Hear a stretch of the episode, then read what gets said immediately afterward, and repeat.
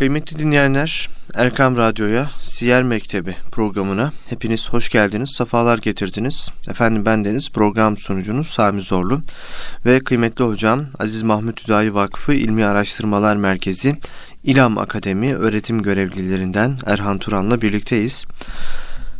Bu programda Peygamber Efendimiz sallallahu aleyhi ve sellemin hayatını anlamaya, anlatmaya, onun hayatından güzellikleri hayatımıza taşımaya gayret ediyoruz. Bu vesileyle bizleri dinleyen tüm dinleyicilerimizi yani sizleri en kalbi duygularla selamlıyoruz. Erkam Radyo'ya, Siyer Mektebi programına hoş geldiniz. Hocam sizler de hoş geldiniz, sefalar getirdiniz. Hoş bulduk, çok teşekkür ediyorum. Sefaları sizler bize verdiniz. Allah razı olsun. Allah razı olsun Cümlemizden hocam. inşallah.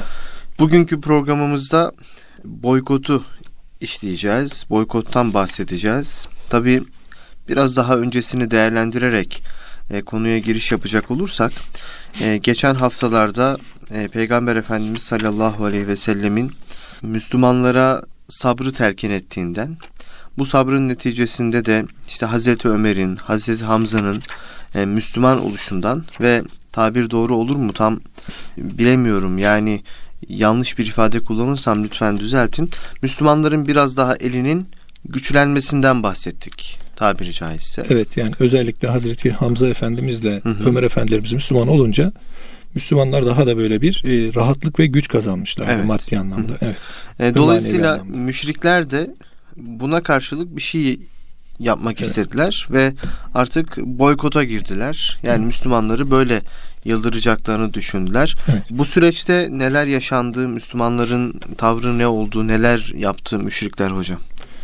Evet, Euzu billahi mineşşeytanirracim. Bismillahirrahmanirrahim. Elhamdülillahi rabbil alamin ve salatu vesselamu ala rasulina Muhammed ve ala alihi ve ashabihi ecmaîn ve bihi nestaîn. Tabi öncelikle bunu aslında bir boykot olarak ya da bir işkence olarak biz okuyoruz kaynaklarımızda ama aslında geçtiğimiz derslerde de işkence dönemini anlatırken şirkin çıkmazları demiştim. Hı hı. Yani aslında müşriklerin çıkmazı bu da. Boykot tabi e, Hazreti Peygamber aleyhissalatü vesselam artık maddi anlamda bir güç kazanıyordu. Biraz önce sizin de buyurduğunuz gibi Hazreti Hamza Efendimiz Müslüman olmuş. Ardından çok kısa bir sürede Hazreti Ömer Efendimiz Müslüman olmuş. Akabinde Müslümanlar e zaten iman kuvvetini yaşıyorlardı. Manevi bir güçleri vardı. Maddi olarak da bir beden gücü. Bunu tabi biz e, müşrik gözüyle söylüyoruz. Maddi güç müşrik gözüyle söylenen bir söz. Aslında bir insan ya bir toplum iman olarak güçlüyse zaten maddi olarak da güçlü demektir. Hı hı. E, tabi bunu hayatı dünya olan yani dünyadan başka çıkarı olmayan çıkmazlar içerisine düşmüş insanlar bunu maddi güç olarak algılıyorlar. Elbette ki Hazreti Peygamber'e bir güçlü mümin edası olacaktı Hazreti Hamza ile Hazreti Ömer efendilerimizle. Yalnız siz güçlendikçe de e, maddi olarak ve mani olarak güçlendikçe de küfür de kendi gardını alacak tabiri caizse. Burada tabi boykot uygulaması başlayacak. Biz hatırlarsınız daha öncesinde istihza ile başlamıştık. Ardından e, işte hakir görme, toplumdan soyutlama, küçük görme, hı hı. işte onları statü olarak aşağı statülere atma, işkenceler, hakaretler, dövmeler, Kabe avlusunda taşlamalar vesaireler her şey yapılmıştı.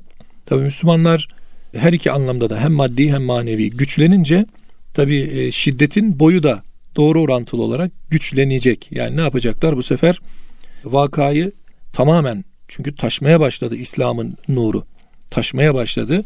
Sadece köleler, zayıflar, çocuklar, sanki biraz kadınlar, ihtiyarlar böyle kimsesizler, çaresizler gibiyken içlerinde elbette vardı gücü kuvveti olan insanlar ama yetmiyordu. Ancak kendi içlerinde dönebiliyorlardı. Ancak güçlü kuvvetli insanlara taşmaya başlayınca tedbiri de büyütmek gerekiyor. Müşriklerin de böyle bir siyaseti oldu. Tabi boykot kararı aldılar. Bu boykot da e, şu demek değil. Yani biz bu arkadaşlara sattığımız ürünü fazla satalım falan ya da işte e, onlarla bir takım ilişkilerimize dikkat edelim değil. Yani vakayı kökünden kazıma. Hiç satmıyorlar. Hiç satmıyorlar. Yani tamamen bitirme anlamında. Ee, aslında burada maddi anlamda kendini güçlü gören o topluluğun hı hı. zayıf olan diğer topluluğa hem siyasi işte dışarıdan gelen insanlarla diyaloğunu kesecek şekilde yani İslam'ı Hazreti Peygamber panayırları takip ederdi ve insanlara İslam'ı, diğer kabilelere İslam'ı tebliğ ederdi. Hiç durmazdı. Onlar birincisi e, siyasi anlamda bu etkileşimi kesmek için. İkincisi de hem toplum içerisinde e, zayıf kalsınlar hem de dışarıdan bağlantıları kesilsin diye iktisadi anlamda. Yani boykotu iki şekilde uyguluyorlar. Hı hı. Birisi siyasi boykot, diğeri de içtimai boykot. Yani siyasi boykotun içerisinde de iktisadi boykot uyguluyorlar. Burada her türlü yolu deneyecekler. Yani hı hı. E, önce bir daraltma yapacaklar. Yani onları öyle bir hale getirecekler ki e, Müslümanlar şunu ihtiyaç hissedecekler. Yani hepimiz bir araya gelelim, toplanalım, bir bölgede e, bulunalım. E, o zaman da işte Ebu Talib'in ismiyle anılan Şebi Ebu Talip bölgesi vardı. Mahalle yani. Oraya toplandı Müslümanlar.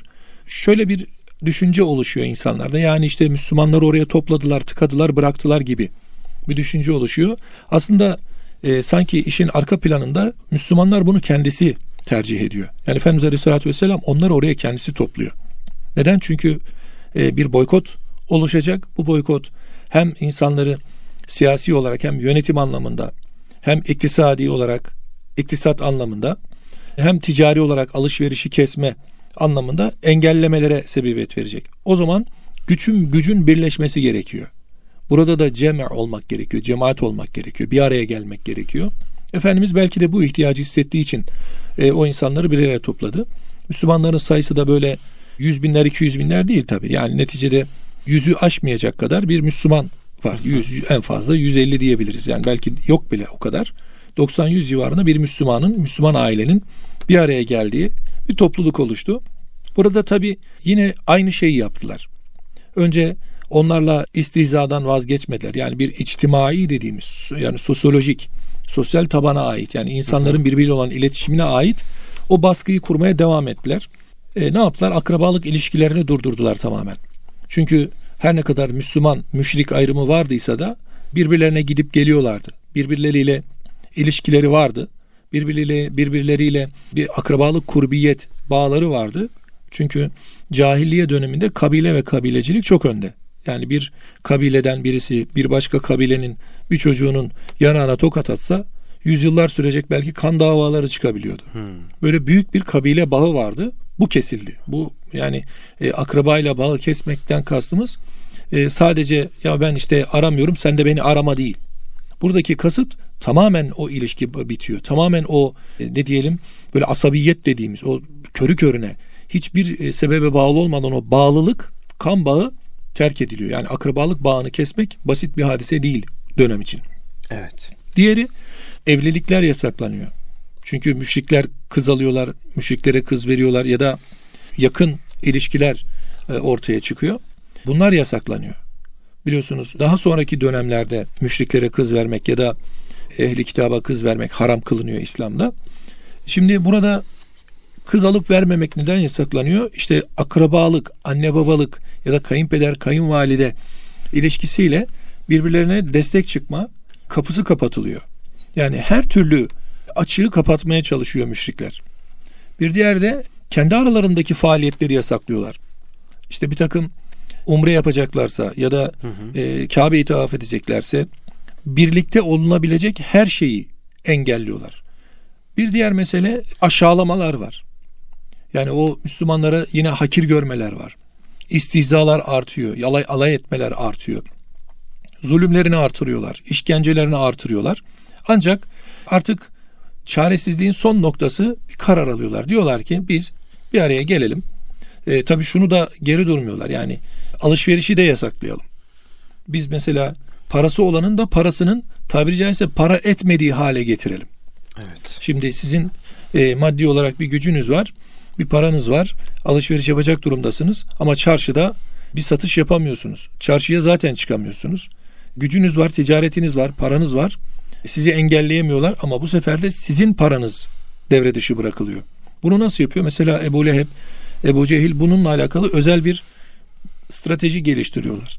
Fiyatları yükseltin diyor. Fiyatları yükseltiyorlar. Kara borsacılık yapıyorlar. Ama onu da şöyle yapıyorlar. Hakim olma adına, e, piyasayı yönetme adına dışarıdan gelecek olan çünkü toplum içerisinde üretilen Mekke öyle zirai bir bölge değil. İşte tarlası, tapanı vesairesi olan bir bölge değil. Ticaretle alışverişi olup insanların yiyip içtiği bir bölge. Evet. Siz e, şöyle bir şey yapıyor. Dışarıdan eğer bir kervan gelecekse o kervanla henüz daha Mekke çarşısına düşmeden dışarıda diyalog kuruyor. Adamlarını görevlendiriyor. Böyle bir kervan satış için Mekke'ye geliyorsa haberim olsun diyor. Gidiyor o malı satın alıyor.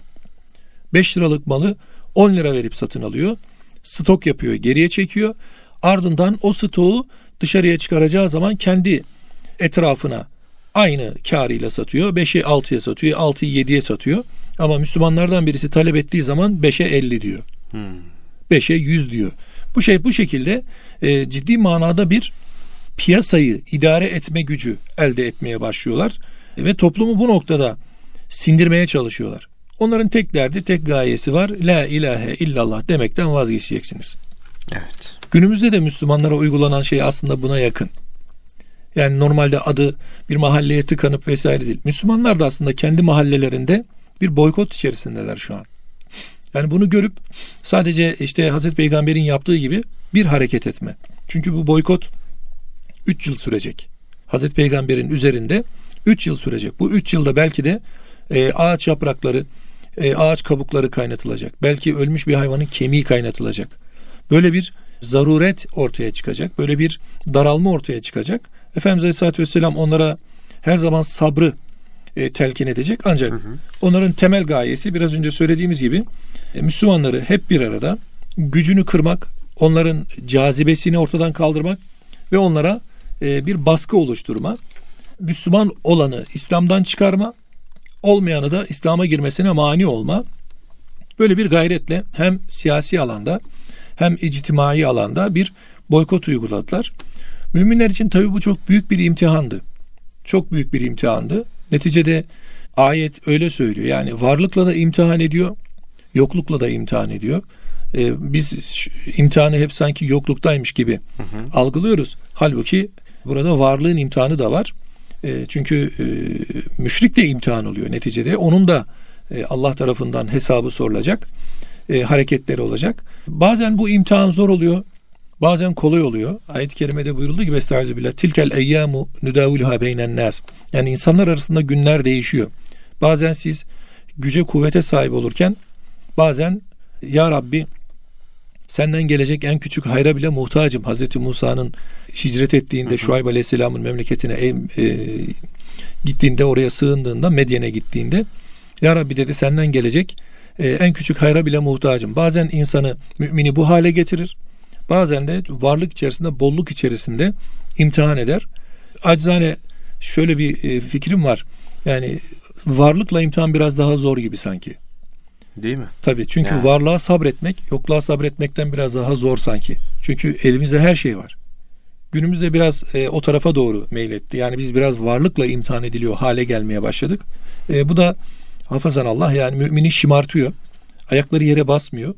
Yok olduğu zaman yokluğun karşılığında hatırlatmalar oluyor. Yani yokluk biraz daha zorluk, darlık, sıkıntı biraz daha böyle Allah'ı hatırlatıyor. Biraz daha ona ait olduğumuzu bize hissettiriyor. Ama işin içerisine varlık girdiği zaman varlıkta unutmalar başlıyor. Yani onu ihmaller başlıyor. Ortadan sanki yokmuş gibi hareket etmeler başlıyor. Biraz daha zor gibi. O yüzden Cenab-ı Hak müminleri e, varlıkla da imtihan ediyor, yoklukla da imtihan ediyor. Evet. Çünkü bakacağız mesela Medine dönemine geldiğimizde bir Bedir göreceğiz. Bedir'de büyük bir ganimet elde edilecek. Uhud gelecek. Uhud'da bir mağlubiyet ve sonrasında beraberliğe dönen bir iş olacak, hal olacak. Hendek var. Bir kapanma e, hali olacak orada. E sonrasında bakacağız Hayber'e gideceğiz. Büyük büyük ganimetler var. Hı hı. Öbür taraftan bakacaksınız işte e, Beni Kaynukalar, Beni Nadirler, Yahudi kabileleri üzere yapılan taarruzlar var. Bunlarla birlikte hem kazanacaksınız hem zorlanacaksınız. İşte bir e, tebükler var sefer olarak yani böyle ciddi imtihandan geçilen evet. seferler var. Bazen bu imtihan kolay bazen zor olacak. Hı hı. Hocam şöyle düşünün siz anlatınca şimdi biz Siyer Mektebi programına ilk başladığımız programlarda şu ifadeyi kullanmıştık. E, siz e, üniversite yıllarında derslerimizde de sık sık bu ifadeyi kullanırdınız. Allah razı olsun. Bunu da belirtmiş olalım. Biz hocamla ilk defa bu dersleri yapmıyoruz. e, üniversite yıllarında Allah razı olsun e, hocam bu dersleri bize anlatırdı. Nasip oldu. E, radyoda da program yapmak bu dersleri tekrar e, siz kıymetli dinleyicilerimizle paylaşma imkanı oldu. Siz tevessül ettiniz Allah Estağfurullah Allah razı olsun. Peygamber Efendimizin işte hayatın her aşamasındaki insana örnekliğinden bahsettik. Evet. Yani Peygamber Efendimiz e, bir köylü amcaya da örnektir. Evet. İşte devlet kademesinde üst düzey e, mevkiye sahip bir evet. beyefendiye de örnektir. Bir komutana da örnektir, bir babaya da örnektir, bir amcaya da örnektir evet. vesaire. Geliştirip bunu gayrimüslime de örnektir diyebilirsin hocam. Niye? Çünkü Mesela hocam, gayrimüslim olmama babında Hı-hı. Resulullah Aleyhisselatü Vesselam'ı hak peygamber olarak düşündüğümüzde onun dışında kalmanın gayrimüslim olduğunu görme adına da bir hmm, örnek getiriyor. Eyvallah çok güzel Allah razı olsun. Ee, şunu da görebiliyoruz değil mi hocam? Şimdi Peygamber Efendimiz şahsı itibarıyla örnek ama evet. yönettiği toplum itibarıyla da toplumlara da örnek olabiliyorlar. Yani evet. sahabe efendilerimiz az önce ifade ettiniz. İşte bir karantina altında kaldılar. Evet. Evet. Yani karantina altında kaldığımız şu geçtiğimiz günlerde evet neler yapacağımızı, neler yapmamız gerektiğini aslında onlardan öğrenebilirdik, evet. görebilirdik. Evet. Çok zengin oldular toplum olarak. Evet. Nasıl bir e, yaşayış sergilediler onu gördük. Evet. Yine çok fakir oldular toplum olarak onu gördük. Yani Peygamber Efendimiz bir e, kendisi itibariyle örnek ama yaşadığı toplumda da o toplumu yönlendirerek bizim toplumumuza örnek teşkil edebiliyor değil mi hocam? Tabii ki hocam. Şimdi Hazreti Peygamber peygamberle birlikte Cenab-ı Hak e, bir asr-ı saadet ismini verdiğimiz toplum Cenab-ı Hak halk ediyor. Hazreti Peygamber liderliğinde komutasında. Tabii buradaki asr-ı saadetten kasıt maddi bir zenginlik değil. Hı hı. Manevi zenginliğin maddi zenginliği de doyurduğu bir zenginlik. Yani evet. o zaman e, sahabe efendilerimiz kendilerinde varken mutlu, yokken mutsuz değiller. Evet. Varken de mutlular, yokken de mutlular. Çünkü kanaat var, rıza var, var, rıza var. Kanaat var dediğiniz evet. gibi, şükür var, haline razı olma var. Yani bunlar aslında bugünkü toplumumuza şu hele ki günümüz çılgın bir tüketim toplumu haline geldi. Yani ayarsız bir tüketim var şu an. Bakıyoruz çok basit e, belki 3 kuruş etmeyecek cihazlar 3 binler, 5 binler, 10 binler fiyatlar çekiliyor piyasada. Ve çok e, farklı bir doymazlık var. Nefis, nefis doymuyor. Efendimiz Aleyhisselatü Vesselam doymayan nefisten sana sığınırım ya Rabbi diyor. Nefsini la yeşba. Doymuyor bu nefis. La teşba. Doymuyor. Evet. Bir türlü bir yerde durak bilmiyor. İnsanlar e, tabi nefsi önüne alınca, nefsi gaye edince, onu doyurmayı hedef alınca, e, doymayacak nefsi de hedef almak ahmaklık oluyor açıkçası. Hamakat oluyor. Ve bu alanda da ne yapıyor? Bu sefer ömrünü heba edip gidiyor. Arkasına dönüp baktığında koskocaman, koskocaman bir e, pişmanlıklar yığını görüyor. Ama sahabe efendilerimiz öyle değil. Yani e, Cenab-ı Hakk'a tevekkülleri tam. Resulullah Aleyhisselatü Vesselam örnek bir toplum oradan ortaya çıkarmış ve onunla birlikte ney ne olduğunda ne kadar mutlu olunur, ne olmadığında ne kadar mutlu olunmaz. Ya düşünün bir ganimet elde ediyorsunuz. Dün hiçbir şeyiniz yokken bugün dünyanın belki en zengin insanı veriyorsunuz. Evet. Bu çok büyük bir Cenab-ı Hakk'ın iltifatı aslında ama o iltifat şımartmıyor. Bak en güzel örneğini bunun hicrette görüyoruz. Hı hı. Bir ensar var. Ensar yardımcı demek. Bir de muhacir var. Hicret eden demek. Muhacir Mekke'den Medine'ye Mekke'de her şeyini bırakmış. Gelmiş. Yani hani yükte hani diyeceğim ki baha diyeceğim ama öyle de yok yani. O da yok. Yani çok zengin, malı mülkü olan insanlar değil bunlar. Öyle bir güçleri olsaydı Mekke'den çıkarılmazlardı zaten. Evet. Öyle bir kuvvetleri olsaydı, maddi zenginlikleri olsaydı zaten kimse üzerlerine bir baskı oluşturamazdı. Böyle bir şey olmazdı. Ama bu da bir imtihandır neticede. Tarafeyn imtihan oluyor burada. Hem hicret edenler imtihan oluyor hem hicreti kabul eden ensar imtihan oluyor. Tabii üçüncü taraf da var. Müşrikler de imtihan oluyor. Onlar da yaptıklarının cezasını görecekler neticede. Ama şu bir gerçek yani Medine'ye hicret ettikten sonra peygamberimiz bir kardeşlik, uhuvvet ilan ediyor. Ve mümin mümine kardeş olduğu zaman malının yarısından vazgeçiyor sahabi. Ya. ya Resulallah diyor şu benim tarlam böl ikiye yarısını ona ver diyor. Ya. ya Resulallah şu benim evim böl ikiye yarısını ona ver diyor. Yani kendinden vazgeçiyor. Her şeyinden vazgeçiyor. Mülkünü ayaklar altına alıyor. Önemli olan orada emirdir diyor. Cenab-ı Hak bana kardeşim demiş diyor. Şimdi günümüzü bir düşünün hocam. Komşusu açken tok yatan bizden değildir diyen bir peygamberin ümmetiyiz. Yani bugün artık toplumlar ve birey yani bireyler olarak biz bir şeyler yapmaya çalışıyoruz. İşte mahallemizdeki e, ne bileyim e, komşularımızdan aç olan varsa tespit edip vesaire. Elhamdülillah böyle faaliyetler yapılıyor ülke içerisinde. Ama ülkeler üzerinde bir ayrım var şu an. Bakıyorsunuz Afrika'mız var sanki kenar mahalle. Bakıyorsunuz e, Türkiye'de bile bazı bölgeler var sanki kenar mahalleye çevrilmiş.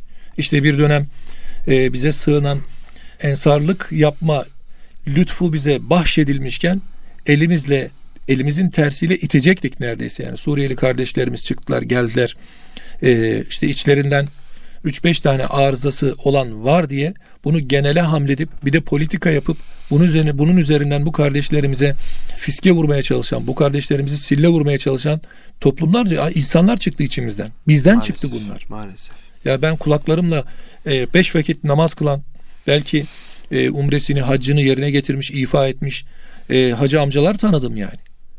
Utandım ben, Allah'tan utandım yani. Ne demek yani? Bu, bu, bu insanların ne işi var burada diyebiliyor bu adam. O zaman evet. cami niçin var? Ceme olmak, cemaat olmak, bir araya gelmek. Caminin e, şimdi bakın biz namaz kılıyoruz cemaatle. Niçin 27 kat ve daha fazlası sevapla e, mükafatlandırılıyor? Orada bir toplumsal birliktelik var. Bir hissi, hissiyat paylaşma hali orası. Yani Efendimiz Aleyhisselatü Vesselam falanca nerededir diye sorduğu, takip ettiği, insanların e, varını yoğunu takip ettiği bir hal burası. Şimdi e, peygamberimiz boykotta da onları topluyor, cem ediyor, bir araya getiriyor. Niye gözümüzden birisi kaçmasın? Bir, birbirimize karşı sorumluluklarımız var. Hı hı. Zenginin fakire karşı sorumluluğu var. Fakirin zengine karşı sorumluluğu var. O ona iş verecek, hak etmesine vesile olacak. O da onu hak edecek, suistimal etmeyecek. Sen benim senin üzerinde hakkım var demeyecek. Her ikisinin de birbiri üzerinde hakkı var ve bu hak yerine layıkıyla getirilecek. Bu imtihanı yaşadı boykotta sahabi. Evet. Bu imtihandan 100 aldı. Hatta 500 aldı, 1000 aldı. Niye? Çünkü e, vazgeçmedi. Ne imanından vazgeçti, ne toplumsal duruşundan Aha. vazgeçti, ne üç kuruşluk dünya için dinine bir müdahaleyi kabul etti. Taviz vermedi. Zerre kadar taviz vermedi. Sahip çıktı. E sahip çıktıktan sonra sonraki konumuz o. Allahü Teala nice nimetlerle nimetlendirdi sahabi. İşte bir mucize verecek Şakkı Kamer mucizesi. Mümin gönüller ferahlayacak, rahatlayacak. Yine boykot içerisinde mucizeler var.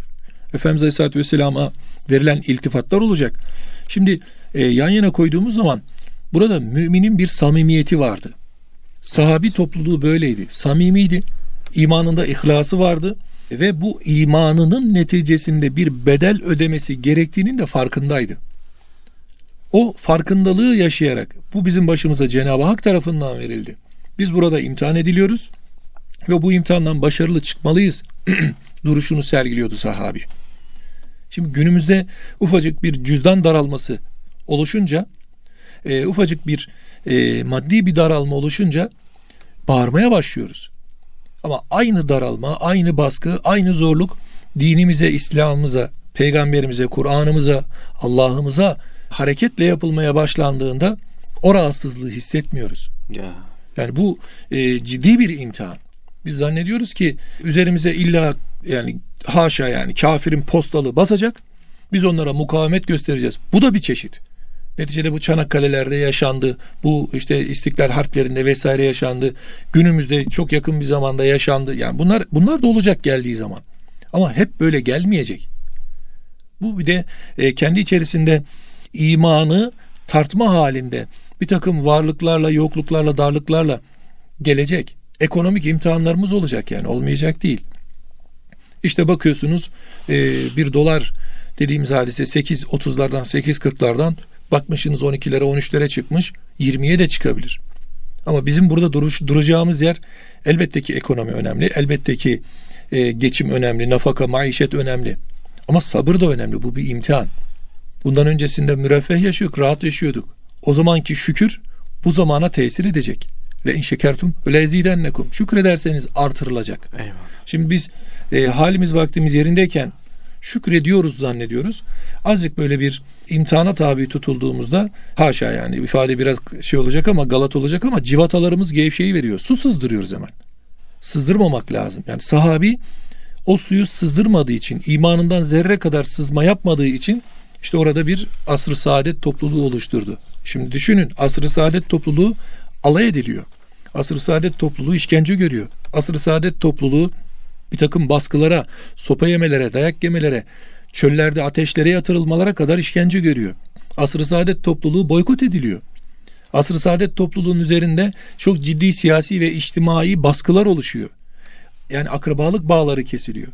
Her şeye e, bir mania oluşturuluyor. Ama biz o topluma asr-ı saadet toplumu diyoruz. Yani asr-ı saadet mutluluk asrı, asrı demek. Hı hı. Yani o mutlu bu insanlar. Neden? Çünkü biz iman ettik.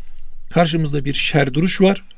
Bu şer duruşa karşı şirk müşrikin duruşuna karşı bizim imanımıza sahip çıkmamız gerekiyor. Cenab-ı Hak bununla bizi imtihan ediyor. Bunun mükafatı dünyada rahatlık olacaktır ya da ahirette cennet olacaktır muhabbetiyle yaşıyor ve kulluğunun artırılmasına yardımcı bir vesile olarak bunu biliyor. Evet. Yani imanının ibadetinin kıvam bulmasına vesile olarak bunu iltifat belliyor. Yani biz günümüzde ufacık bir e, elimize diken baktığı zaman dünyayı ayağa kaldırıyoruz ama o insanlar belki o açlıkta çocukları kucaklarında ölüyor. Belki e, üzerlerinde çok farklı e, tesirleri oluyor. Ama bu daraltma ve sindirme hareketini neticede onlar imanlarıyla şey altına tuttular, kontrol altında tuttular ve İslam'ın küfür karşısında dik duruşunu, sağlam duruşunu ispat ettiler ve ortaya koydular şer üzere yapılan ittifakları da geri püskürtmeyi becerdiler. E, bu haliyle Müslümanların e, üzerine önen yani önemli olarak bastıkları hedef Hazreti Peygamber Aleyhisselatü Vesselam'ın kendilerine teslim olmalarıydı. Müslümanları bu noktada hı hı. aç bırakmaktı.